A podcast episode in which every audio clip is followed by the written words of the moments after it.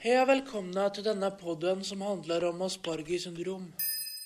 Eftersom jag har det själv så vet jag hur lätt och ofta vi blir missförstådda och jag hoppas att genom denna podden att jag hjälper dem eh, som jag att bli förstådda bättre. Jag kommer att berätta lite av egna erfarenheter och lite av det jag läst. Vi med Aspergers syndrom blir tyvärr ofta mobbade, översedda och uttittade. Största grunnen er at vi er annorlunda. I folks ögon så pratar vi och uppför vi oss konstigt, ja till och med udda. Vi pratar ofta mer formellt än vad andra uppfattar så lämpligt i sammanhanget.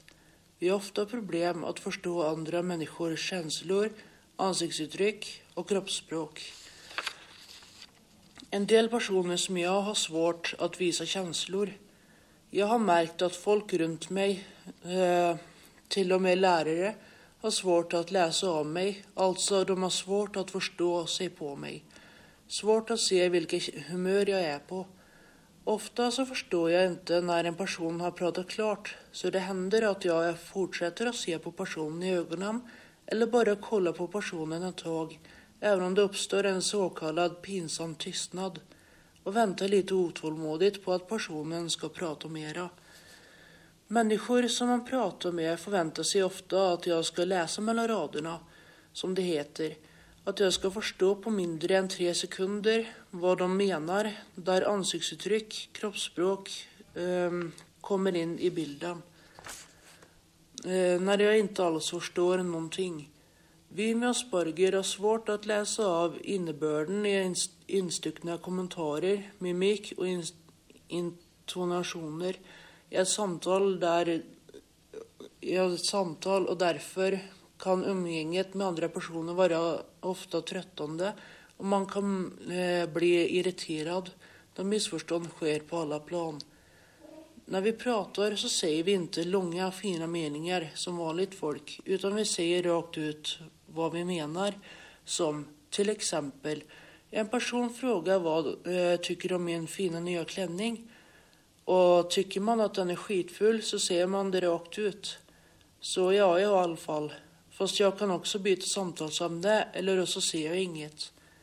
Vi med Asperger är ofta ärliga och vi har svårt att förstå varför folk ljuger. När det gäller mig, eh, så när jag måste umgås med folk, så vet jag inte hur man gör. Vi har som oftast specialintressen. Det kan være alt fra dator, film, spill, batterier og tog til djur, pennor osv. så er stor at vi, når vi prater, at vi, eller at vi prater om våre spesialinteresser, ofte inn i minste detalj og kanskje til og med årsmodell. Og det hender at de personer vi prater med blir eh, fort uttråkere, og at vi ikke ser det. Men då är det viktigt att personen säger tydligt och med eh, få meningar ifrån. Så som jag berättade förut, det att jag såg eh, personen för att jag trodde att han eller hon skulle se mer. Då är det viktigt att personen säger tydligt ifrån, som till exempel, nu har jag pratat klart. Eller om personen vill ge mig en kram, då är det bättre att personen frågar innan så att jag vet vad det gäller. Som till exempel, får jag ge dig en kram? Då vet jag då får jag välja ja eller nej istället för att bli upptryckt i ett hörn och bli tvingad att göra något jag inte vill. Det värsta jag vet är när folk är mina närgångna. Jag hatar det och jag kan få ett utbrott i en sådan situation. Vissa av oss gillar att vara ensam som jag. Jag har inga som helst problem med att vara ensam. Tvärtom så gillar jag det. Vi kan även ha begränsat tålamod för vissa saker som faller utanför våra intressen. Vi har lätt för att tolka saker bokstavligt. Vi har känslor som alla andra även om vi inte visar dem. Vi har humor fast för, fast för andra så förstår de inte våra skämt och kan bli arga om de tycker att det var ohyfsat. Vi kan även ha problem att visa empati med andre mennesker. Derfor kan vi oppfattes som egoistiske, sjølviske eller hensynsløse.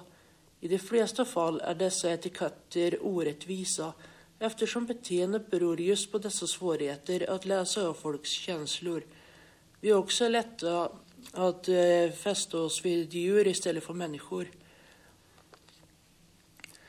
Eh, och vi har också lättare för att intre- intressera oss för djur än människor också.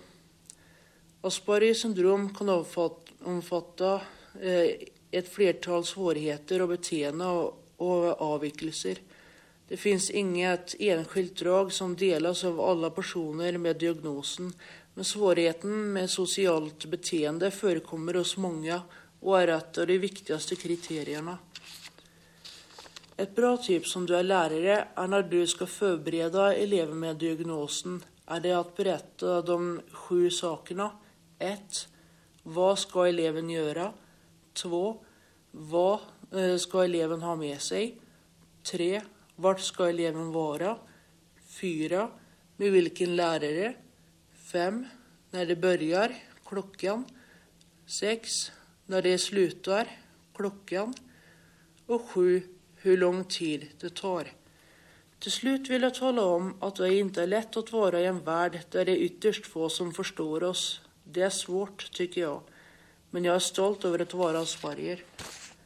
Jag hoppas att allmänheten tar sig tid att ta in detta och tänka noga i baktankarna. För det är inget som heter, ja men det är bara att göra så. Nej, det är inget som heter det är bara när det gäller asperger eller autism för den delen. Vi har rutiner och om de bryts blir det stora orosmoment. Och jag hoppas att jag har gjort oss mer förstådda och mindre undaknuffade av samhället. Tack för mig.